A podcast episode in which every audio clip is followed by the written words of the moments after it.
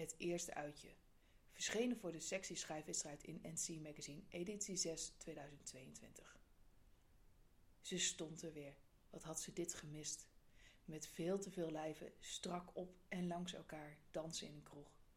Het hoefde van haar nooit een bijzondere plek te zijn, als de muziek maar precies goed stond en ze een drankje kon scoren. Het liefst een drankje van een ander. Ze stond vanavond open voor alles. Want gats, wat was het lang geleden dat ze iemand aan de haak had geslagen. Vanavond kwam daar verandering in. Ze voelde haar jurk tijdens dansen langs haar iets wat vochtige lichaam zwiepen. Ze had voor haar eerste uitje na het krijgen van haar zoon een nieuwe gekocht.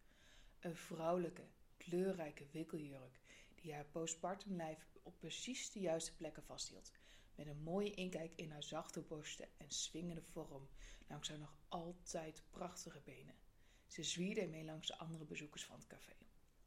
Ze was helemaal in haar element. Als ze juist danste, kon ze een glimp laten zien van haar broekje.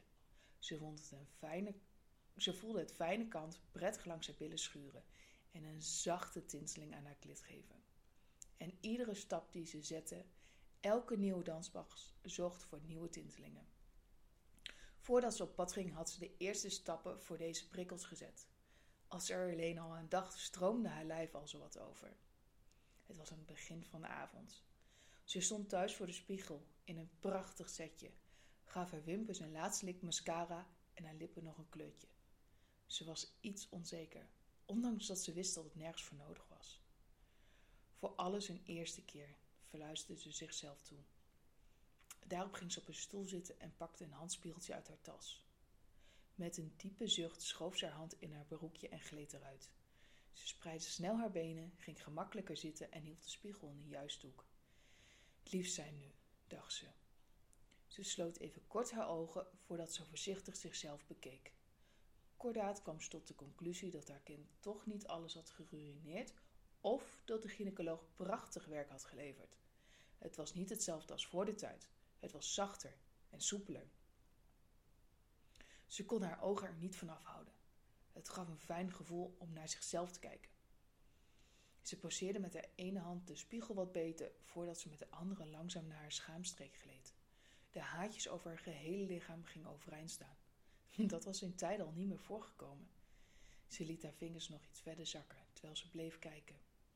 Voorzichtig ging haar wijsvinger over haar klitje, haar middelvinger, haar ringvinger, haar pink en opnieuw en opnieuw. Ze, bespeelde zichzelf als een prachtig instrument. Langzaam en toch vlot, zoals zij het zo graag had. Haar klitsel. Ze voelde de geilheid bedaard in haar stromen. Haar borsten werden ronder en haar kutje natter. Lichte schokjes kwamen al. Nu moest ze moed verzamelen om het voor hier en voor nu hierbij te laten. Ze wierp nog een blik in het spiegeltje. Zou ze nog één ritme kunnen spelen? Dat was het moeilijkste. Stoppen voordat ze kwam. Ver genoeg zijn om met iedere aanraking geilen te worden. Oh, wat vond ze dat heerlijk.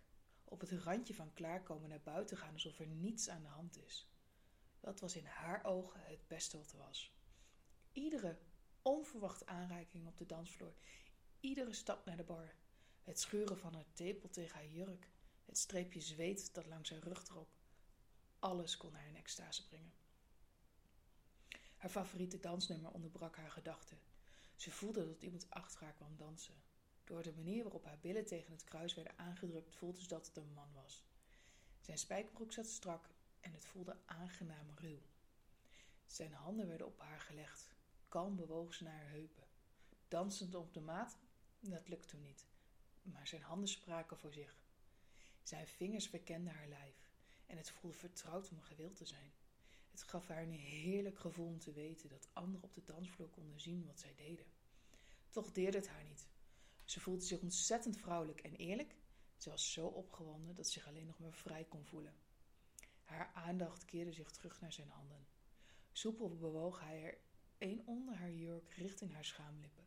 De andere bleef op een van haar borsten rusten.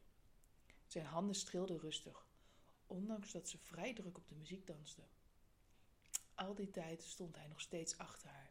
Ze voelde zijn broek strakker zitten. Haar adem werd onrustiger en sneller, waardoor ze zich gedwongen werd om langzamer te bewegen. Ongestoord manoeuvreerde hij iets naar de kant van de dansvloer. leunde met zijn rug tegen de muur. Ze vond rust tegen zijn lichaam. Ze leunde met haar volle gewicht tegen hem. Dat was zijn teken. Zijn hand ging nu echt haar broekje in. Zijn hand gaf druk op haar klit. Zijn middelste vinger vond weg naar binnen. Uiterst geconcentreerd voerde hij de druk op zijn hand en zijn vinger op. Ze wist niet wat ze voelde. Ze kon ieder moment vuurwerk zien. Dans, zei hij schor in haar oor. Haar lichaam bewoog zich als gehypnotiseerd op de muziek. Op het moment dat de muziek een overgang maakte, wist zij dat het zover was. Ze drukte haar hand op de zijne, maakte nog een move en kwam. Een oergevoel kwam naar boven. Het golfde als een wilde oceaan over haar heen. Ze voelde dat het eindeloos duurde. Ze nam de tijd om op adem en terug op aarde te komen. Daarna draaide ze zich om, om haar minnaar te bekijken. Het eerste uitje, alleen en toch samen. Ze was opnieuw veroverd door haar eigen man. Kon dit maar altijd zo zijn?